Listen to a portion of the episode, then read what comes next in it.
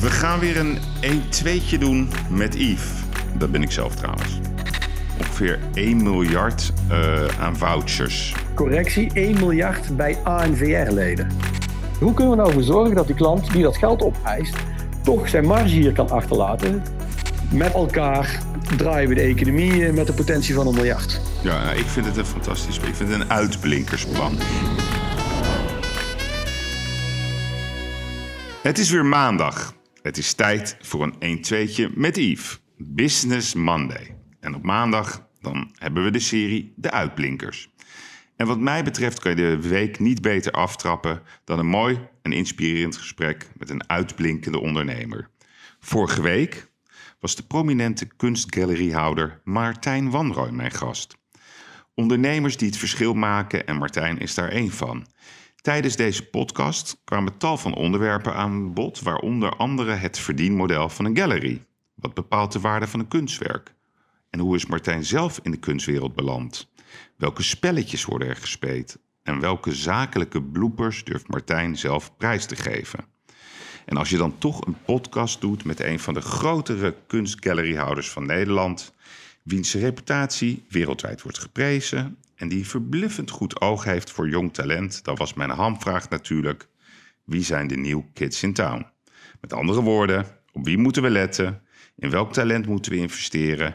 En wat moet ik zelf aan de muur hangen? En Martijn had een aantal zeer interessante tips. Ik zou zeggen, luister eens goed terug als uw hart net zo hard klopt voor de kunst. Maar terug naar het heden. Vandaag staat bij mij een speed op het programma met een man die de hele wereld over heeft gereisd. Bij hem stroomt het reizen door zijn aderen en hij staat aan het hoofd van het mooie bedrijf Experience Travel. Een team van reisspecialisten met expertise in maar liefst 60 verre bestemmingen. En Harco, Harco van Uden, sympathieke Brabander, weet met zijn team als geen ander de reisdromen om te zetten in werkelijkheid. Maar de reisbranche is helaas diep getroffen door corona. En ik ben natuurlijk heel benieuwd hoe hij ervoor staat met zijn experience travel, met zijn medewerkers en hoe gaat het met hemzelf. Maar ik ben uiteraard ook geïnteresseerd in oplossingen. En het schijnt dat hij een uniek plan heeft bedacht. En daar ben ik buitengewoon benieuwd eh, naar, dus daar ga ik hem over bellen. Dus het is tijd voor een mooi gesprek met Harco van Uden. Goedendag Yves, met Harco. Ja, Harco, goedemorgen. Goedemorgen. Bij, eh, bij de uitblinkers, hè?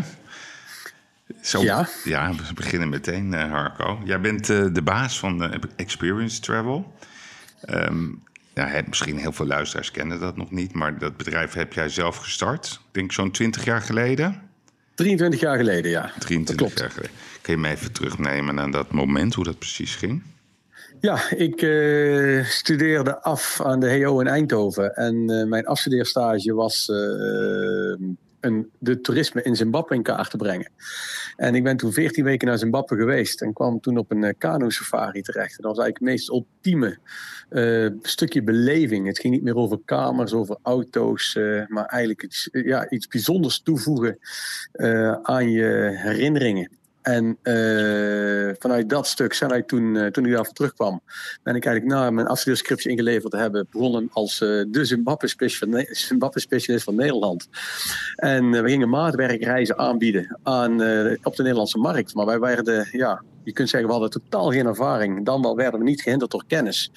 En we dachten met het fantastische product wel eventjes stappen te gaan maken in reisland. Nou, dat viel tegen, want uh, de reisbureaus bepaalden toen nog wel een klein beetje wie wat aanbood.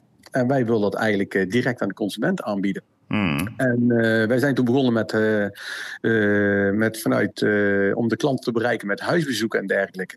Met het land Zimbabwe. En daarna hebben wij dat uitgebreid, landje voor landje, deels gedwongen. Omdat er al twee jaar een negatief reisadvies kwam voor Zimbabwe. uitgebreid naar 60 andere bestemmingen in de wereld. En nu 23 jaar later doen we 60 verre bestemmingen, 70 steden en 50 strandbestemmingen in het topsegment van uh, de markt. Dus wij mogen voor, uh, de, voor uh, de leukste reizigers van Nederland, het is op mooi reizen, ontwikkelen iedere dag. Of dat mochten we tot aan corona. Ja, ja. Nee, want ik zat even zo te kijken in, in, in jouw cijfers. Maar dat is een heel behoorlijk bedrijf. 57 werknemers. een omzet in 2019 van 25 miljoen. Klopt. En... Ja, nee, we hebben dat. Uh, ja, klopt. Dat hebben we. We hebben flink. Uh, we hebben dus altijd de, de, de, reiziger centraal gesteld en geluisterd naar zijn uh, wensen. En die wensen eigenlijk doorvertaald naar een organisatie die daarin faciliteert. En toen zagen wij eigenlijk vrij snel dat er, ja, dat er vanuit Nederland nog vaak in pakketten wordt gedacht. Je moet iets wat een reisorganisatie bedacht heeft. En we hebben dat eigenlijk omgedraaid. Door te zeggen: wat wil de reiziger? Want het gaat om je vrije tijd. Die kun je maar één keer op een goede manier invullen. Hmm. Die kun je ook niet teruggeven als het fout gaat. Hè? We vergelijken het wel met Ferrari. Als daar iets fout gaat, dan kun je nog de Ferrari naar de garage brengen. Maar met een reis kan dat niet. Die moet je in één keer goed doen. Dus we hebben daar, uh, wij stoppen veel tijd in het, uh, in het leren kennen van onze reiziger. Zodat we de perfecte reis kunnen samenstellen aan de hand van zijn wensen. Doordat wij die kennis hebben, is het vrij makkelijk die kennis te vertalen naar de wensen die hij wil. Zodat iedere reis bijzonder is, iedere reis uniek is. En dat is de afgelopen jaren in een uh, ja, redelijk tempo gegroeid tot wat we nu zijn. Mm En, en zeg maar hoeveel landen heb jij zelf uh, bezocht in je leven tot nu toe? Poeh, goede vraag. Uh, dat hoor je eigenlijk te weten. Uh, nou ja, nee, je mag bij, bij benadering vind ik ook goed hoor. Nou, we hebben in ieder geval, ik heb die uh, buiten Antarctica op ieder continent geweest. Ja, ja. maar dat is niet zo heel bijzonder. in Afrika, ik denk wel dat ik kan zeggen, ik ben zelf helemaal gek van Afrika, dat ik meer als een jaar van mijn leven in Afrika heb doorgebracht ondertussen. Ja. op safari zelfs. maar ik ben natuurlijk ook in, ja, in Argentinië, in Ecuador, in China uh, Hongkong, uh, Australië, uh, Amerika, Canada. Ja, eigenlijk ja, niet, zeker niet alle landen en zeker ook niet altijd heel lang. Want het is soms ook wel echt gericht. Soms voor vakantie, soms voor het werk.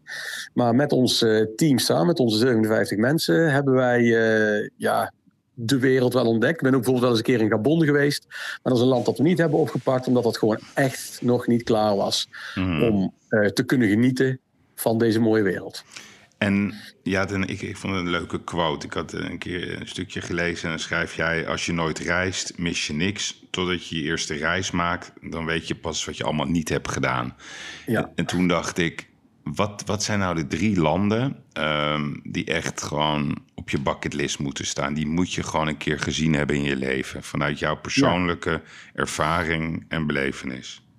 Ja, het is, kijk, het is niet zozeer de uh, land, wat je zelf zegt, Yves, het is de beleving die je meemaakt. Toen ik op die kano-safari uh, zat, uh, waar ik daar vier dagen over die rivieren dobberde tussen de nijlpaarden en de krokodillen in totale stilte, met olifanten die overstaken, waar de natuurrijk de baas was en ik er onderdeel van mocht zijn ja, dat, dat is een moment dat ik 23 jaar geleden heb mee mogen maken. En ik kwam rechtstreeks uh, van Lorette Mar, hè, kwam ik Zimbabwe binnen. Mhm. Dus uh, ik denk als ik daar niet was geweest, en dat was ook, uh, dan was ik daar de komende tien jaar, was ik waarschijnlijk nog gewoon lekker aan de strand ergens gelegen en hebben wat genoten. Maar ik leerde wat reizen was. En toen ik dat eigenlijk wist, was ik achteraf terugkijkend zo gelukkig dat ik dat op best wel jonge leeftijd al had mogen zien. Ik was toen 25.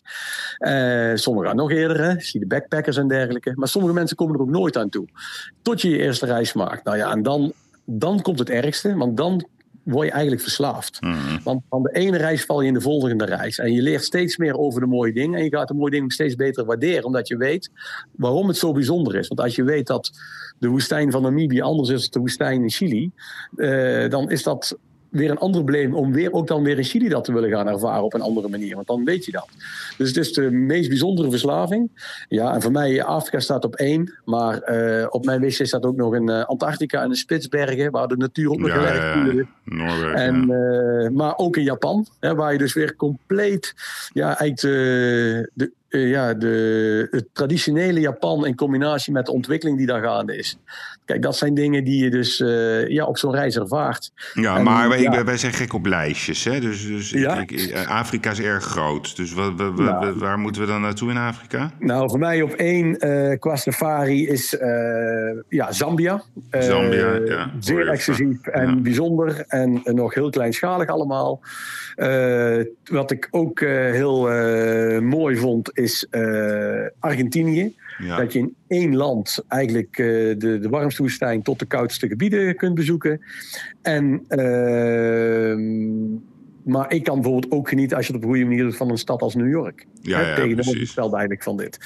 En, uh, maar als je een keer een hele goede strandbestemming wil doen, ga dan eens naar een North Island in de Seychelles. Waar je uh, Robinson Crusoe bent, waar je met je voetjes in de zand kunt, maar tegelijkertijd, behalve dan de televisie, alle luxe hebt. Hmm. En uh, die maar in de vis vers uit het. Uh, en je diner eigenlijk vers uit het water komt s'avonds.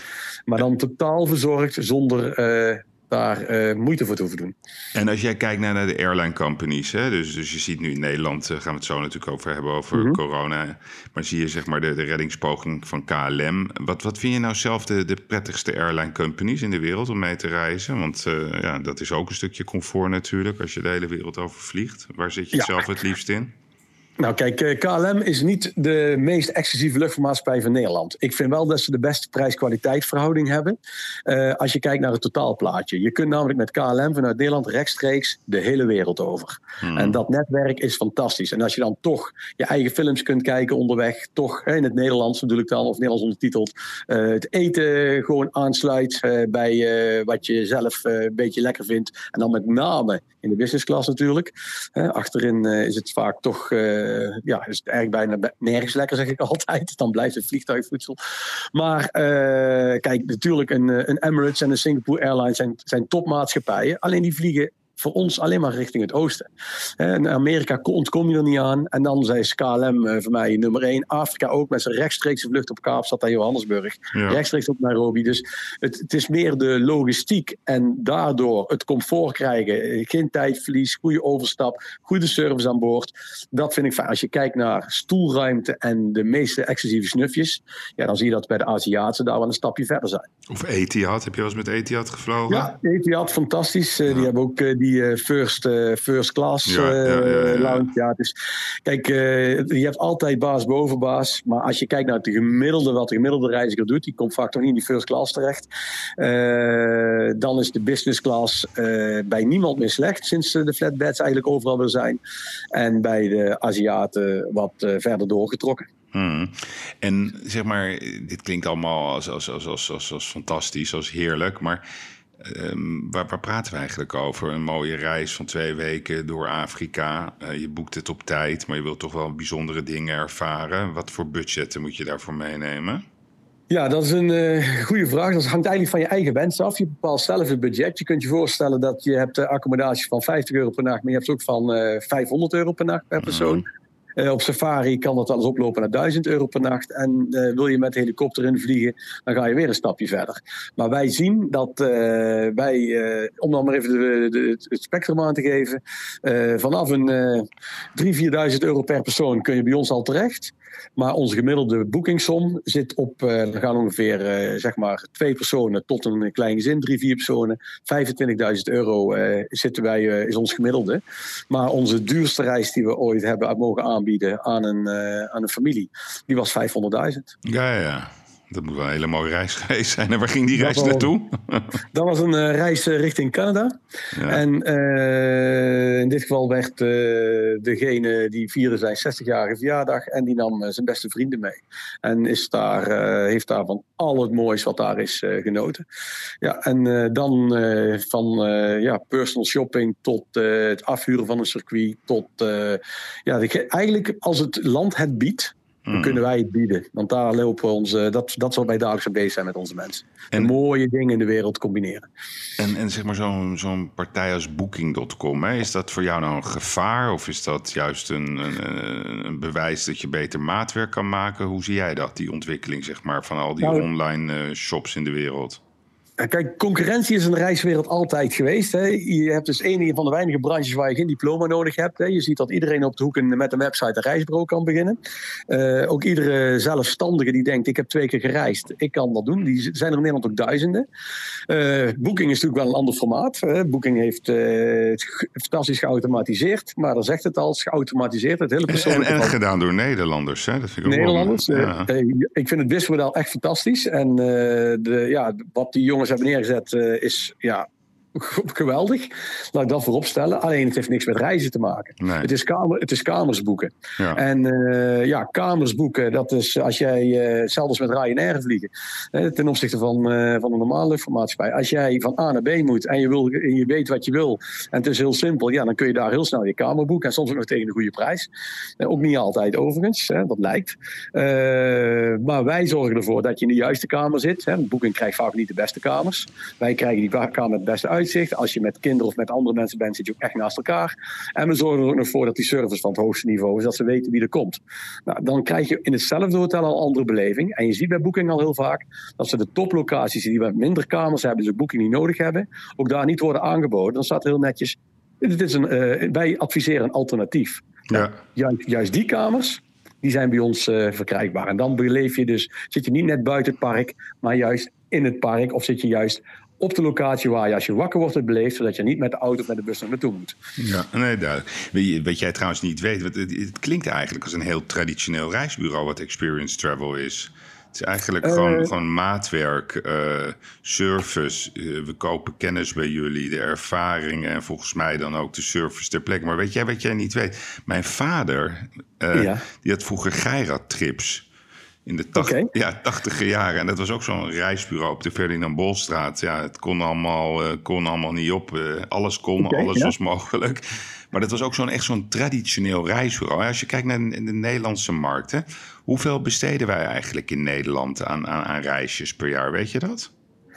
Ehm, ja, dat is. eh, ik ben, ik, als ik het goed zeg, ik heb al bij jou een idee te geven. Er staat op dit moment, en dat is halverwege het reis, er staat alleen al een miljard aan eh, foutjes uit bij ANVR-leden. Ja. Dat is zonder de KLM, zonder de, dus dat zou normaal gesproken maal drie zijn als het gewoon het boekseizoen afgemaakt zou zijn.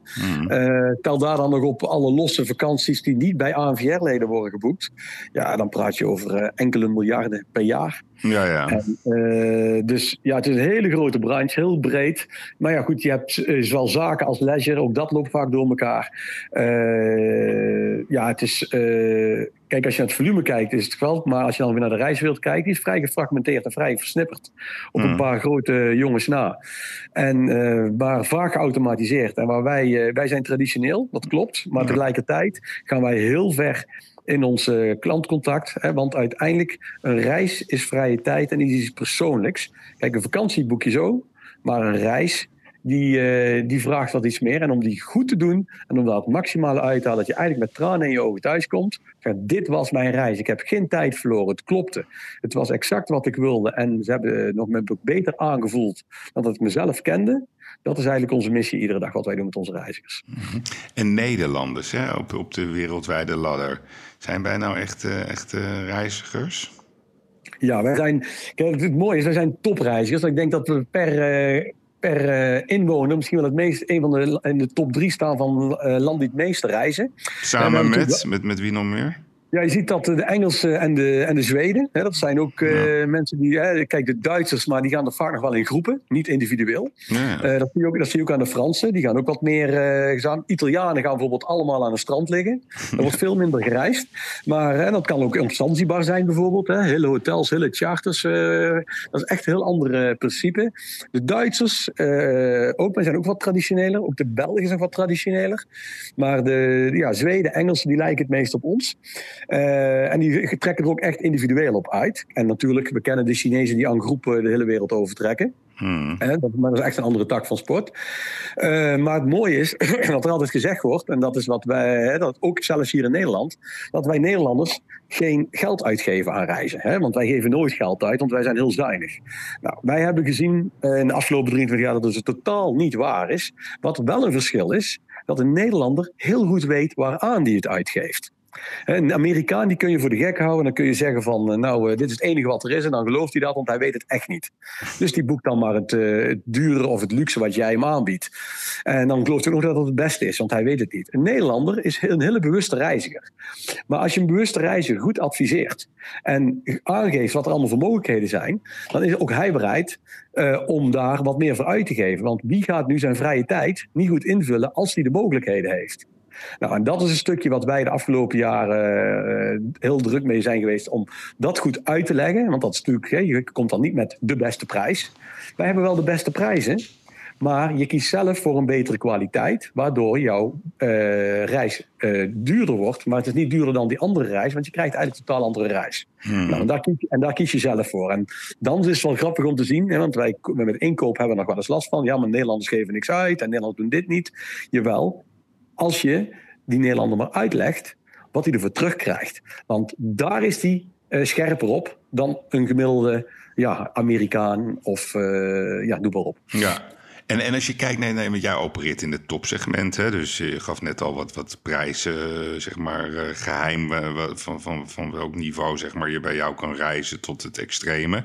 Wie zijn, wie zijn in Nederland zeg maar, de grote partijen, marktleiders op het gebied van hele exclusieve reizen buiten Experience Travel? Ja, dat is een goede eh, vraag. Kijk, er zijn, eh, we hebben natuurlijk wel wat eh, conculega's, maar de meeste focussen op hun product. En die zijn productspecialist. Wat wij eigenlijk de afgelopen 23 jaar hebben gedaan, is dat product heel erg goed onder controle krijgen. Mhm. En ervoor te zorgen dat eigenlijk, ja, ik mag, je mag verwachten als je naar een specialist gaat, dat hij weet wat hij doet. Dus wij zien het product niet als onderscheidend vermogen, wij zien het product als een voorwaarde. Waar wij uh, anders in zijn, is dat wij ons altijd gericht hebben op de reiziger. En dat roept iedereen. Maar de meesten beginnen dan toch heel vaak over een product. Wij kennen onze reizigers, wij weten wat ze willen, wij bezoeken ze aan huis als ze dat willen. Wij uh, willen alles van ze weten, om dan uiteindelijk de goede vertaling te maken. En dat zijn op dit moment weinig andere organisaties die daarmee bezig zijn. En een bedrijf zoals American Express, die, die, die zeg maar dat wel aanbiedt ook. Hè? Dus die hebben die, die zwarte kaarthouders, de Centurion, die hebben de, de Platinum, die, die bieden het aan. Alleen ik merk wel altijd dat in de praktijk het toch heel anders is. Um, Maar is dat een partij die je veel tegenkomt? Ja, wij komen ze tegen omdat uh, uh, natuurlijk, uh, kijk, en zeker in al die jaren komen iedereen wel een keertje tegen. Hè, want wat dat betreft Nederland een klein land en we zien elkaar allemaal heel snel en we kennen elkaar ook allemaal. Uh, maar ja, die komen tegen. Maar je ziet daarin dat uh, de expertise. Kijk, zij, zij, zij, zij kunnen heel goed boeken en doen precies wat jij zegt. Dus als jij dat hele speciale ja, ding wil hebben, gaan ze trainen. Maar wij gaan één stap verder. Wij vragen: jij zegt wel dat je op safari wil, maar wat verwacht jij van je safari? Hmm. En op het moment dat je dus eigenlijk bij wijze van spreken, de, ik verwacht dat, ik heb de buren heb ik gesproken, die verwachten dit. Maar als jij net in de verkeerde periode gaat, of net naar het, denkt dat dat in Zuid-Afrika is, terwijl het in Kenia is. Of de buren, dat zijn mensen die heel snel alles willen zien en jij wil op je gemak dat uh, ervaren. Wij luisteren naar jou, wij stellen ook de vraag waarom je dat denkt dat dat zo leuk is. Hmm. En dan komen wij met ons advies, waardoor je uiteindelijk krijgt wat je echt wil, in plaats van dacht wat je wilde gaan doen. En uh, American Express is toch vaak meer een partij die gewoon uh, doet wat jij vraagt. Ja, ja, en vaak weet je zelf niet wat er allemaal nog allemaal kan. Nou, en daar proberen wij een stapje extra te zetten. Dus 2020 had zo'n mooi jaar moeten worden en toen kwam corona. Ja, we zaten eigenlijk in een flow. Hè. Natuurlijk na de financiële crisis uh, zaten we, ja, eigenlijk waren we on the roll. En uh, een paar mooie jaren gehad. En 2020 zag er eigenlijk naar dat het eigenlijk niet op kon. En uh, dat ging uh, ja, tot uh, eind februari. daar hadden we natuurlijk al meteen mee te maken, omdat we bij China zitten. Hè. China is ook een bestemming die wij doen. Dus we waren eigenlijk al vanaf december aan het kijken, wat gebeurt hier nou? Mm. of eind november geloof ik al dat begon. En, ja, dat, dat merkte jij toen al? Nou ja, kijk, wij hadden bijvoorbeeld wij hadden ook een aantal mooie reizen ontwikkeld. Uh, voor uh, China, het nieuwe Silicon Valley, hadden we een paar mooie reizen ontwikkeld die in maart zouden vertrekken en in november. En ja, wij waren daarmee bezig en toen zagen we, nou, dat gaat niet gebeuren. Of in mei en november, sorry. Ik zeg, in maart zagen wij dus dat gaat niet gebeuren. En dus toen wisten wij al kijk, alleen wij hebben, wij zijn, wij hebben ons, wij hebben geleerd de afgelopen 23 jaar ons niet afhankelijk laten stellen van een product, in dit geval dus een land. Want een land kan veranderen, het kan uit de mode raken, het kan minder eh, politiek interessant zijn, er kan een aardbeving zijn, er kunnen problemen zijn. Dus landen gaan komen en gaan. Maar omdat wij totale aanbod hebben, dan zeggen we oké, dan wordt het dit jaar geen China-jaar, dan zal het wel iets meer iets anders worden.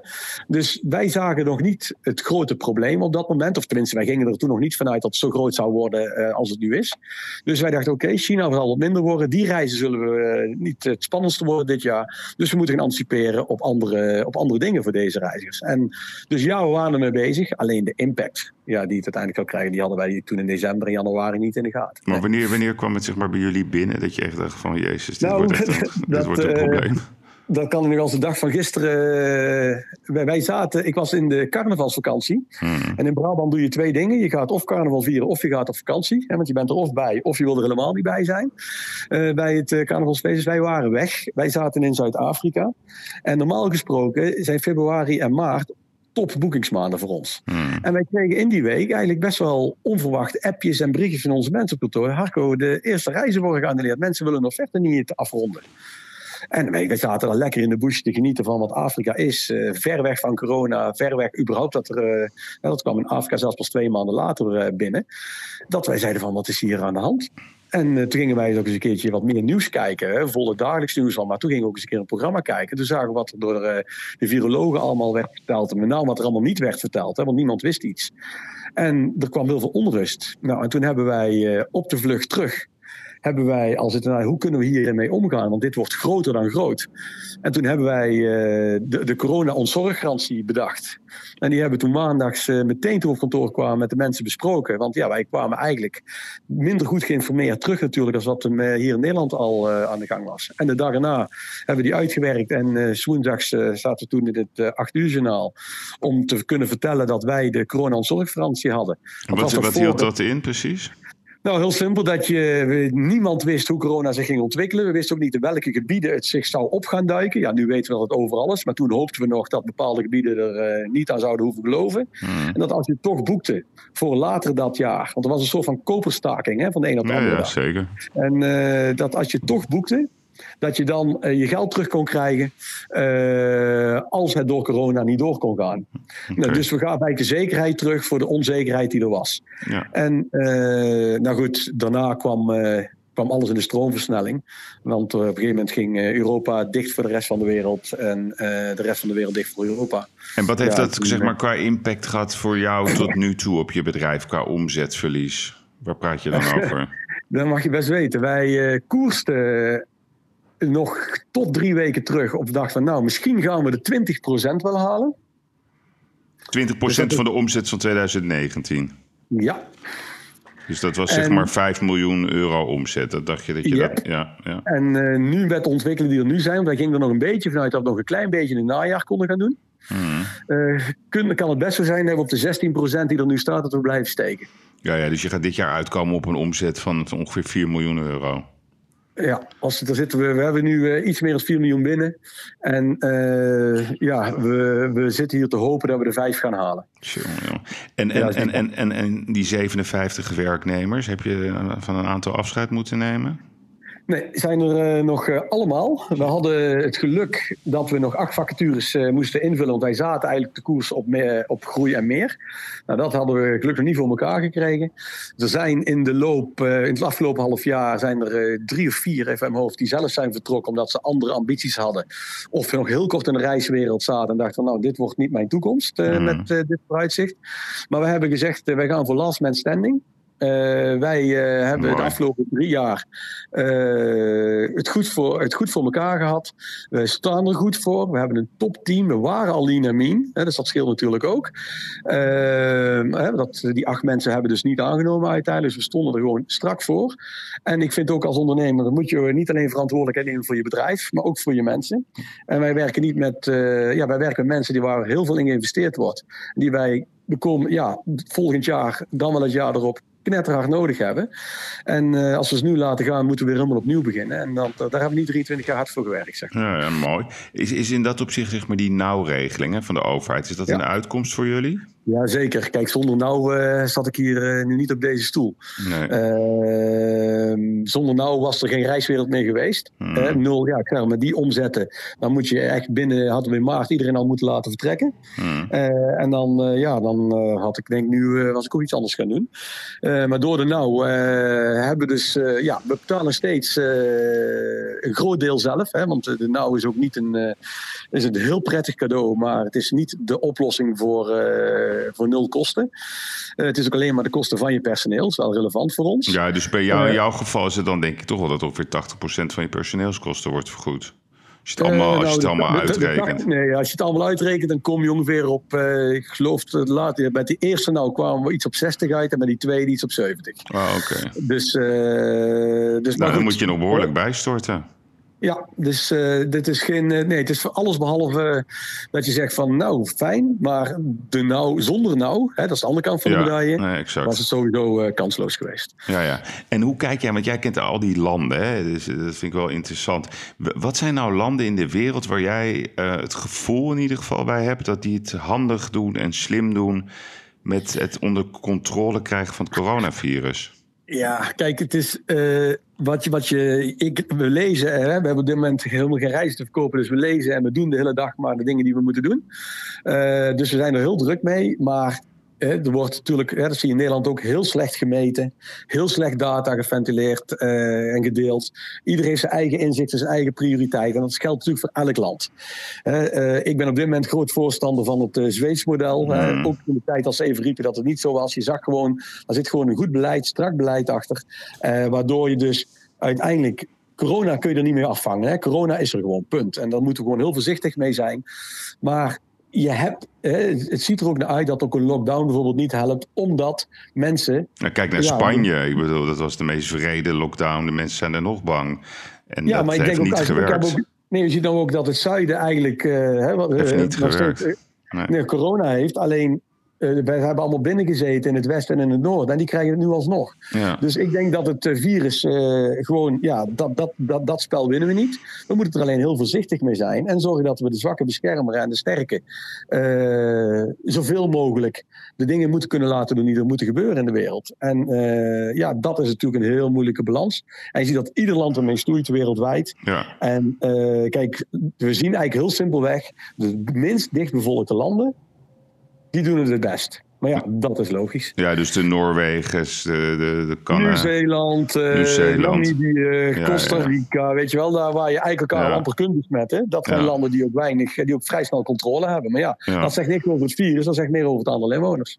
Ja, ja, ja, precies. Dus het is, maar is dat dan een soort wetmatigheid? Dat eh, zeg maar India. India, India bijvoorbeeld, dat is natuurlijk een rampenscenario eh, aan het Ja, dat worden. zeg je iets, maar dat, maar dat, dat is een rampscenario. Maar als je het, hè, de cijfers noemen het aantal doden. Als je het per inwoner bekijkt, Mm. Ja, als je, we, we hebben dat hier eens gedaan, zeker in het begin, dan, eh, met al, het, al die data. Dan zag je gewoon dat eigenlijk overal hetzelfde gebeurde. Hè. We gingen op een gegeven moment in Amerika, riepen we, ja, nou is Florida aan de beurt. Ja, dat was het gewoon nog niet. Maar in New York is het begonnen. Hè. En dus het lijkt erop dat we gewoon allemaal aan de beurt komen. Ja, Alleen, eh, we zullen het, ja, de, degene die er eh, dus aan, eh, ja, echt ziek van worden en aan sterven, is het ja, de meest bizarre wat we denk ik in ons leven hebben meegemaakt. En anderen komen er gewoon heel simpel mee weg, omdat ze met een kuchje doorgaan. nee, precies. En, nee, maar daar, dus daar wil ik toch iets over vragen. Want het is natuurlijk een ongelooflijk complexe discussie. Ik zat bijvoorbeeld zondag zat ik te kijken naar de Formule 1 met Verstappen. Ja. Nou, volle tribunes. Ik wist niet wat ik zag daar in dat Sochi. Ja. Het zat gewoon alsof er niks aan de hand was. eh, geen Ja. mondkapjes op. Nou, mensen zitten daar gewoon, en de ene wel, de andere niet. Maar daar was het gewoon business as usual. Nou, en dan kijk je, we volgen natuurlijk allemaal het nieuws in Nederland. En je ziet gewoon, het hele complexe discussie. En het lijkt vaak of, of het om het gelijk hebben draait. En dat weten we allemaal, dat is natuurlijk niet de bedoeling. Maar wat is nou de weegschaal hè, dat je zegt van dit zou waarschijnlijk de beste oplossing zijn qua beleid? Want ik heb Ja. wel het idee dat de regering, eh, die, die wil heel graag. Alleen ze kunnen maar niet om de een of andere manier een uitweg vinden wat de juiste oplossing is. Heb jij, heb jij daar een idee over? Ja, ik heb dat in maart al een keer gepost. En ook eh, in. eh, ik heb natuurlijk helemaal geen verstand van Yves. Laten we daarmee beginnen. Want ik ben geen viroloog, ik ben geen arts. Ik ben gewoon een simpele Nederlander eh, met een reisorganisatie. Maar ik heb wel geleerd in de afgelopen 23 jaar dat je nooit het product centraal moet zetten. En eigenlijk de klant. En in dit geval is de klant de mens. Mhm. Ja, in welk land dan ook. En wat wij hier doen in Nederland is het virus volgen. Nou, het is al een half jaar bewezen dat we A, er niks van weten. Mhm. Dat we er B, eh, nog steeds niks van weten. Eh, dat we nog eens niet eh, simpelweg kunnen tellen wie er wel of niet eh, bijvalt. Dus dat is heel complex, blijkbaar. Mhm. Maar wat we wel kunnen doen, is ons richten op de Nederlander.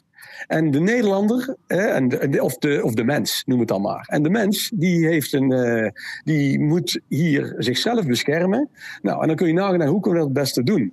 Nou, en dan moet je dus niet, dan moet je doelgroep gaan denken en niet product gaan denken. En als je doelgroep gaat denken, kun je vrij snel al zeggen van, hè, als je de juiste gegevens hebt, en dan moet je heel goed luisteren naar de virologen en naar de artsen, van wie worden hier nu geraakt? Wie worden hier nu besmet? Wie moeten we beschermen? En wie moeten bijvoorbeeld de economie draaiende houden? Om die mensen ook volgend jaar nog te kunnen helpen. Ja. want dat zijn allemaal consequenties. Dus ik zou zeggen, volg uh, en dan betekent ook niet dat je jongeren moet gaan lopen bestje. Kijken wat kunnen de jongeren wel.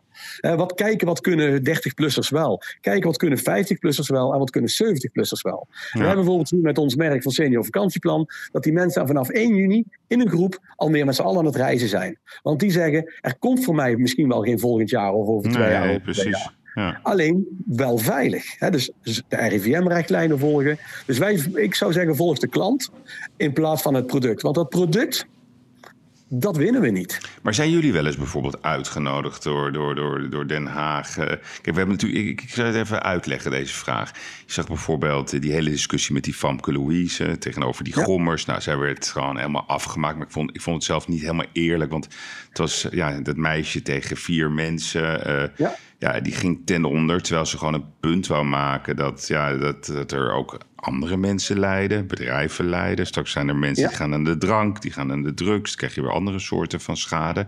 Zijn jullie als, als, als organisatie bijvoorbeeld wel eens uitgenodigd door Den Haag om, om gewoon jullie persoonlijke visie hierop te geven. Want misschien zijn jullie klein, maar aan de andere kant zijn jullie ook heel groot. Jullie hebben contact met de hele wereld. Uh, ik heb nou, voordat nou, nou 2 kwam, heb ik met uh, uh, Frank Ozan van de ANVR en twee collega's, die waren wel een iets grotere orde dan wij, hmm. met de VVD-fractie in gesprek geweest om uit te leggen met dat wie? wij... De? Met VVD-fractie. Oh, VVD, ja omdat we, niet, uh, dat we geen gesloten sector waren. Want men dacht toen Europa open ging, nou, de sector is open. Dus maar met wie praat je dan? Dat is meer... Uh... In dit geval uh, zaten daar, was er onder andere Thierry Aartsen bij ja. van de VVD. Maar er waren, vergeef me even alle namen, er zaten zes mensen van de VVD, drie fractieleden en drie ja, assistenten van fractieleden, zeg maar. Ja, Ik weet dus we zaten met z'n zes en wij dan met drie reisondernemers en de ANVR in gesprek. En in die combinatie hebben we toen ons zegje kunnen doen. En uiteindelijk is er gelukkig uitgekomen. Ik denk dat er wel meer gelopen is alleen dit gesprek. Maar gelukkig uitgekomen dat uh, nou 2 voor de reiswereld bleef gelden. En nu dus ook nou 3. Anders waren we er toen al niet meer geweest. Nee, oké. maar dat, dus, dat zijn financiële regelingen. Dus dat is zo dat ze zeg maar wel heel duidelijk de bereidheid hebben om ondernemers te helpen. Hè? Niks dan lof dan daarvoor. Maar wordt er al, worden er ook vragen gesteld aan jullie van... Ja, hoe zien jullie eigenlijk dat, zeg maar, hoe je om moet gaan met corona? Hoe, hoe kunnen we hier doorheen wandelen? Welke groepen moeten we op een andere manier behandelen? Want dat merk ik iedere keer weer, dat die discussie die is bijna niet te doen. Hè? Als je zegt van ja. misschien is het beter om toch de economie open te gewoon. Dus die triage te doen. Hè? Dus om te zeggen, laat jongeren gewoon lekker doen wat ze moeten doen. Want ze worden er niet heel erg ziek van. Dus ze moeten opletten dat ze niet met ouderen in contact komen. Maar het lijkt bijna onmogelijk om die discussie te voeren. Want dan krijg je meestal als tegenantwoord. Ja, bent u niet geïnteresseerd in de gezondheid? Ja, dan is de discussie alweer dood. Heb je dat soort vragen gehad ook? Nee, niet. kijk, niet. Uh, kijk, nee, kijk, het is, uh, kijk ik, uh, wat ik net ook zei, als je, de, als je de mens volgt, ga je heel andere, wat, wat die wil, als je daar ook echt aan vraagt. Wij vroegen onze senior vakantieplan wat wil je? En die zeiden, we willen gewoon reizen. Ja, ja. Nou, toen hebben wij gezegd, dan gaan we kijken wat we kunnen doen. Als ja. wij naar het RIVM hadden geluisterd, dan waren ze, hadden die nog steeds opgesloten gezeten in een verzorgingstehuis. En waren ze misschien volgend jaar doodgegaan. Maar, maar de, het grappige is, de RIVM is gewoon de overheid. Hè? Dat vergeten heel veel mensen. Het is gewoon een onderdeel van het uh, ministerie van VWS. Ja. Het is gewoon een overheidsorgaan. dus ik, ik, ik begrijp niet. Ik mis die onafhankelijkheid, snap je? Ik voel helemaal met je mee, Yves. En zeker ook als je dan ziet wat er in de bedrijven gebeurt. En zeker ook in ons bedrijf. En wat dat met mensen doet. En uh, wat dat met onze families doet. Ja. Alleen ja, je, wat je al zegt. Uh, als je er iets van zegt, dan ben je de andere. Ja. En dan geef je niks aan mensenlevens. Nou, ik denk echt oprecht, als we beter naar de mens hadden geluisterd. Dat we zelfs meer mensenlevens hadden kunnen besparen. Ja. En dat we zelfs meer verder waren geweest dan nu. Maar ja, dat zal waarschijnlijk of nooit uitkomen of later als het uh, simpelweg te laat is. Oké, die parkeren we dan maar even. Um, ik bel jou ook omdat jij. Ik heb je vorige week daarover gesproken. Uh, ik was daar best wel van onder de indruk. Uh, er zijn op dit moment, zoals ik het begreep, ongeveer 1 miljard uh, aan vouchers in omloop vakantievouchers. Ja, correctie, 1 miljard bij ANVR-leden. Ja, oké, exact. Dus, dus uh, dat is zonder ja. KLM, zonder Transavia, zonder nog reisorganisaties die niet ANVR zijn, maar alleen bij de ANVR-leden staat er uh, eh, 1 miljard aan vouchers. Ja. Dat klopt. Ja, dus dat is zeg maar slapend geld, wat nu waar niks mee gebeurt. En daar had jij, uh, vond ik, nog wel een ongelooflijk revolutionair plan over. Wil je dat eens even uitleggen? Ja, graag. Nee, wat, wij hebben natuurlijk hier een. Kijk, wat er gebeurt, die vouchers, dat was de redding. Hè. Met de nauw samen is dat de redding geweest van de reisbank. Ja, cashflow technisch, hè, voor wie het niet begrijpt. Dus je, je moet je winkeltje laten lopen. Je krijgt geld binnen op je bank. En je hoeft het niet terug te storten, waardoor je in beleven kan blijven. En die voucher die gaat mee naar de toekomst. En dan wordt dat uiteindelijk weer ingewisseld van reis. Eigenlijk als de culturele sector. Je gaat volgend jaar naar het concert. Ja, exact. Ja? En alleen in de reisbranche. Wij waren verplicht als wij niet kunnen leveren om terug te betalen. Mm. Nou, dus heel snel. Dat is echt een compliment aan het ANVR en het SGR. Heel snel kwam dit foutje er. Uh, wij hadden de corona zorggarantie en volgens mij anderhalf week daarna kwam dit. Nou ja, en toen waren we dus uh, ja, uh, tijdelijk gered, noem ik het dan maar eventjes. Waardoor we in ieder geval konden anticiperen. Alleen op dat moment uh, was de Consumentenbond nog tegen. We wisten niet precies wat het betekende. Dus er kwam heel veel druk te staan. Maar die voucher, die uiteindelijk is de eindconclusie dat we dat voucher mag na een half jaar worden opgeëist door de consument. Ja. En dan hebben wij als reisorganisaties nog een half jaar de tijd om uit te betalen. Ja. Nou, dat is natuurlijk niet klantvriendelijk. En dat is natuurlijk niet prettig. Maar als er dus niet gereisd wordt, wel noodzakelijk. Hmm. Anders komt alsnog nou eh, de grote klap, zelfs bij de gezonde bedrijven. de, dus uh, wat hebben wij? Wij hebben dus de afgelopen maanden te denken: hoe kunnen we nou onze reizigers. Eh, want het gebeurt er, als wij dus terug moeten betalen, zijn we niet alleen de cash kwijt, maar we zijn ook onze marge kwijt. Ja, exact. En uh, dus we hebben nou zitten denken... Nee, maar dan ga je regelrecht het graf in. Dus dat, dat snapt iedereen. Ja, dus we hebben gedacht... Hoe, kijk, als landen op geel komen... worden die foutjes omgezet naar een nieuwe bestemming. Ja. Nou, dan zijn we weer aan het reizen. En dan is het allemaal wel wat vertraagd. Hebben we allemaal wel een hoop geld verloren. Maar dan zwengelt het wel weer aan. En dan spreken we over één heel slecht jaar. En dan kijken we weer naar volgend jaar. Hmm. Nou, alleen als dat niet gebeurt... dan gaat dus die cash eruit. Nou, in maart zijn de eerste vouchers uitgegeven. En het is nu september, dus we zijn een half jaar verder. Dus wij hebben gedacht van... oké, hoe kunnen we nou voor zorgen dat die klant die dat geld opeist toch zijn marge hier kan achterlaten door een beter alternatief te verzinnen dan reizen. Want reizen kunnen we en mogen we op dit moment niet. Nee. Wat we er ook van vinden en waarom het ook gebeurt en hoe er ook geteld wordt en hoe regio's worden ingericht, daar kan ik toch niet heel veel aan veranderen. Ik heb gedacht, wat kan ik voor mijn klant doen zonder dat ik het geld hoef terug te geven? Hmm. Nou, en toen uh, hebben we gezegd, nou, misschien wil hij wel iets anders van zijn voucher kopen, wat hij toch nodig heeft het komend half jaar. Wat ons net zoveel marge oplevert als onze reizen. Want wat even, gewoon even, gewoon even voor de leek, ik weet niet of je dat wil vertellen, maar wat zijn de gemiddelde marges in de reisbranche? In de uh, reisbranche, uh, ja, je hebt natuurlijk ook verschillende. Sommigen hebben extra schakels ertussen en doorverkopen en dergelijke. Maar uh, degene die, die de, het gemiddelde zit op 15 procent. Ja, ja, het is dun, eigenlijk dun. Dat, het is super dun, het is niks. En dan moet je heel veel voor doen, dan mag er niks fout gaan in de wereld. Nou, nu gaat alles fout. Mm. Nou, dus 15 procent zeg maar een richting waar een gemiddelde reisorganisatie op leeft of overleeft. Er zitten er sommigen wat onder en er zitten er sommigen doen het wat beter. We leveren vaak wat wat meer, uh, wat meer dan dat ze doorgeefluik zijn, zeg maar. Hmm. Nou, en uh, dus toen wij daarover na gingen denken, zei van hoe kunnen we dat nou regelen? Nou, toen hebben we gezegd van welke producten zou iemand nog wel willen? Nou, we gaan natuurlijk richting kerst en Sinterklaas. Uh, die voucher ligt daar in de kast, dan kan die gereisd worden. En we gaan hem dadelijk maar opeisen, want dan heb ik geld en dan ga ik er iets anders van kopen. Of ik hmm. zet het op een spaarrekening, nog erger. Dan heeft de Nederlandse economie er helemaal niks aan. Hmm. Dus wij hebben toen bedacht van oké, okay, hoe kunnen we dit doen? Als wij nu eens partijen gaan, gaan bellen die zeggen van wij accepteren het reisvoucher. En, uh, uh, en dan zijn we eigenlijk een soort van shop voor dat bedrijf. En dan uh, ontvangen wij de marge wat normaal bijvoorbeeld bij de retail achterblijft. En dan kunnen wij dus toch onze omzet nog dit jaar in de boeken krijgen. Met de marge die we al hadden. En kunnen we toch door. Dus, en het is ook nog eens een sympathiek gebaar voor de consument. Zodat hij toch eerder zijn foutje gaan inwisselen. Ja, gewoon zeg maar een herbesteding van het geld. Hè? Dus het is een, een beetje Ducaten-tijdperk. Hè? Dus, ja. dus, dus je, je boekt een reis. Ik, ik wil, de tulpenbollen. Ja, nee, de tulpenbollen. exact. Ja, die heeft Rutte ook wel eens genoemd, de tulpenbollen. Nee, maar even voor de duidelijkheid. Dus iemand boekt een reis bijvoorbeeld van 10.000 euro. Nou, die krijgt een, voucher van jullie van 10.000 euro. Dat geld ligt nu maar te staan. En dat dan natuurlijk in, in een veelvoud, wat inmiddels uh, een miljard, maar nog veel meer is. Omdat we het hier alleen hebben over de aangesloten ANW En jullie zeggen, laten we dat geld nou, als de consument dat wil, op een andere manier aanbieden aan die consument, dat hij dat kan besteden bij allerlei mooie bedrijven. En jullie behouden je marge. dat spreek je dan weer af, neem ik aan, met die leveranciers, als er daadwerkelijk wordt besteed. Everybody happy. De, de, consument die levert zijn voucher in bij die bedrijven. Die krijgt gewoon voor de waarde van zijn voucher producten. Ja. dus stel dat hij uh, eh, 1000 euro of 3000 euro heeft. Heeft een televisie van 3000 euro. Ja. Bij een Samsung of een Philips of, of een mooi juweel bij Gazan. Of uh, hij wil een barbecue bij Big Green Egg. Het maakt niet uit. Hij zegt dat wil ik inleveren. Normaal zou ik dat ook kwijt zijn in de winkel. Nu lever ik mijn voucher in. Die uh, maatschappij, daar hebben wij hem afgesproken dat wij tegen die marge die we net besproken hebben.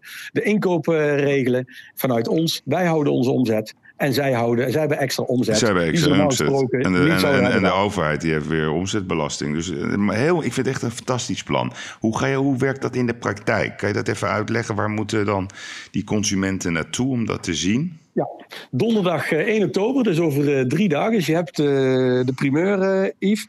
donderdag 1 oktober gaat de reisvoucher cadeaushop.nl live. Ja, dus reisvouchercadeaushop.nl. Aan elkaar vastgeschreven? Ja, ja, allemaal van reisvoucher, want dat kent iedereen. Het is een cadeau en het is een shop.nl. Ja. Oké. En uh, dus we houden, het is ook een tijdelijke shop. Hè. We noemen het ook wel de grootste digitale pop-up store. Want over een jaar zijn al die vouchers er niet meer, dan is het helemaal niet meer nodig. Dus uh, we zijn er tijdelijk. Uh, op die website is check 1 voor de consument. Doet mijn reisorganisatie mee? Hmm. Als die reisorganisatie meedoet, kan die kijken bij welke partijen hij zijn voucher kan inwisselen. En daar bij die partij staat hoe dat dan moet gebeuren. En van daaruit, uh, nou bijvoorbeeld met de rituals, hebben we afgesproken dat ze om kunnen wisselen in Ja, maar noem eens even wat namen van partijen die nu allemaal meedoen zeg maar, de, aan, de, aan de productencant, waar je, waar je geld zeg maar, kan besteden. Je noemde ja, rituals, uh, Samsung ja, hoorde ik, Gazan. Rituals, Philips. Philips. Uh, Gazan, Big Green Egg. Uh, we zijn nog met een aantal partijen bezig. Hè, want we hebben dit in de laatste twee weken. We waren het eerst hadden het eigenlijk gedaan voor onze eigen organisatie. Dus hadden we, hadden we een beperkt aanbod. Want ja, dat, uh, we, hebben natuurlijk niet, uh, we hebben natuurlijk zelf geen miljard liggen. Dat is een, gelukkig een aantal nullen minder wat hier ligt. maar, maar restaurant, die... bijvoorbeeld de patron cuisiniers of zo, doen die ook mee? Ja, we zijn, ik kan nog niet over iedereen praten waar we in gesprek zijn, want die moeten nog akkoord geven. Dan wel uh, uh, haken ze aan, onder andere doordat ze ook weer via via horen dat.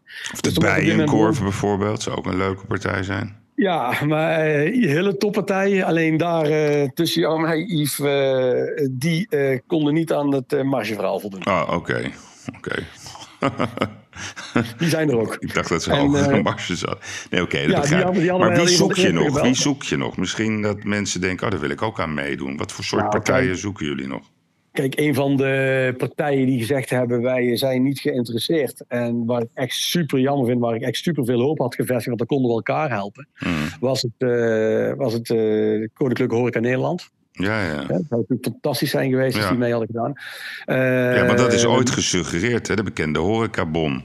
Ja, Hoe dus leuk laten, wij, laten wij dan de reisbon en de horeca en we helpen en de horeca en we helpen de reiswereld. Ja. En twee branches staan weer overeind. Zeker. Of taxis, dus, misschien, uh, misschien zijn de marges daar weer wat minder, maar ja. Ja, nou, we hebben, we hebben ook bijvoorbeeld uh, goede doelen zijn we bezig. Het ja. uh, KWF uh, doet mee. En KWF, die, daar kun je dus bijvoorbeeld je restant van je voucher. Je koopt bijvoorbeeld, je hebt een voucher van 500, je hebt 480 euro besteed. Je hebt je laatste 20 euro, kun je dus aan het KWF storten. Zodat ja. je ook nog de goede doelen helpt. Dus we zijn heel breed aan het kijken, ja. zodat de consument eigenlijk denk van ja, dit, dit schaf ik toch al aan in de komende paar maanden. Daar ga ik mijn foutje maar voor inzetten. Ja. Goed voor de consument, goed voor de reiswereld, goed voor de mensen die meedoen, goed voor de Nederlandse economie.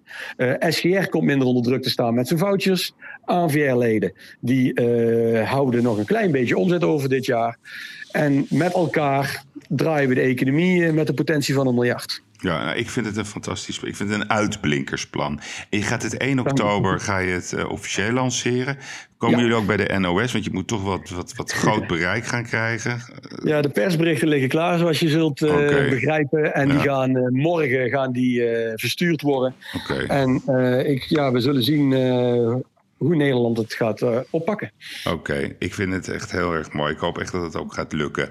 We zijn, uh, we zijn aan het einde van de podcast uh, beland. Ja, toch even een beetje hoopgevend. Wanneer denk jij gevoelsmatig dat 2021 dat we weer een beetje mogen gaan reizen? Geen wetenschapsvraag dit, maar gewoon een gevoelsvraag. Wij, wij, wij zien dat zuidelijk halfrond op dit moment het opengaan is. Hmm. Kun je afvragen hoe goed sommige landen het wel of niet onder controle hebben. Wat ik net al zei, sommige landen hebben, zijn, hebben eigenlijk ja, amper inwoners, dus kunnen niet besmet raken.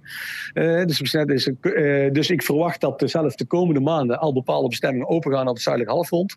Eh, Zoals dan- welke specifiek? nou, Zuid-Afrika heeft al gezegd dat ze open zijn per 1 oktober. Rwanda heeft Ja. zelfs aangegeven dat hoef je zelfs niet te quarantaine als je daar naartoe gaat volgens buitenlandse zaken hier. Hmm. Dus de eerste bewegingen zijn er. Kijk, Nieuw-Zeeland zou kunnen, maar die zijn zelf wat meer bang voor ons Ja. hè, dan andersom. Eh, eh, we zien in eh, Costa Rica dat eigenlijk al roept van ja, het kan eigenlijk al lang.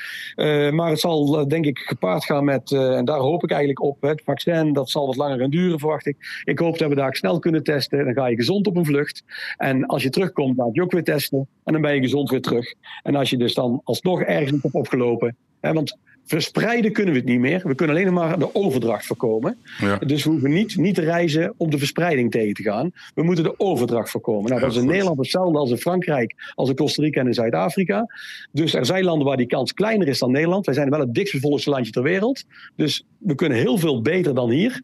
Alleen wij moeten ervoor zorgen dat we onbesmet op reis kunnen. Dus testen. En dat we onbesmet en terugkomen. En als we besmet terugkomen, dat we dan wel onze quarantaineverplichting nemen. Nou, je kunt heel goed thuiswerken in deze tijden. Dus ik zit te wachten op de sneltest. Dus ik hoop eh, dat dat eh, heel snel er gaat komen. En dan zullen we ook weer kunnen en mogen gaan reizen, hoop ik. Ik mag het voor jullie openen. Harco, dank je wel voor deze, Yves. voor deze mooie toelichting. En eh, ik hoop dat, eh, dat 2020 uiteindelijk nog een mooi jaar wordt voor jullie. Nou, 2020 gaat niet meer lukken. Dan moet er nog heel veel Ja, gebeuren. maar toch als deze, 2021, actie, eh, als deze actie slaagt, misschien is dat dan een heel lichte pleister op de wonden. Dat, eh, dan is het, je mooi, dan is het een eh, mooie pleister op de wond. Heel goed. Dankjewel, Harco. Dankjewel, Yves. Succes deze week. Bye bye. Dankjewel. Bye. Dit was de derde aflevering van een 1-2'tje met Yves in de serie De Uitblinkers. Aankomende vrijdag ben ik er weer met mijn wekelijkse podcastshow The Gigs. En volgende week maandag ben ik er weer met een nieuwe uitblinker. Ik wens u een hele mooie week toe. Dank voor het luisteren.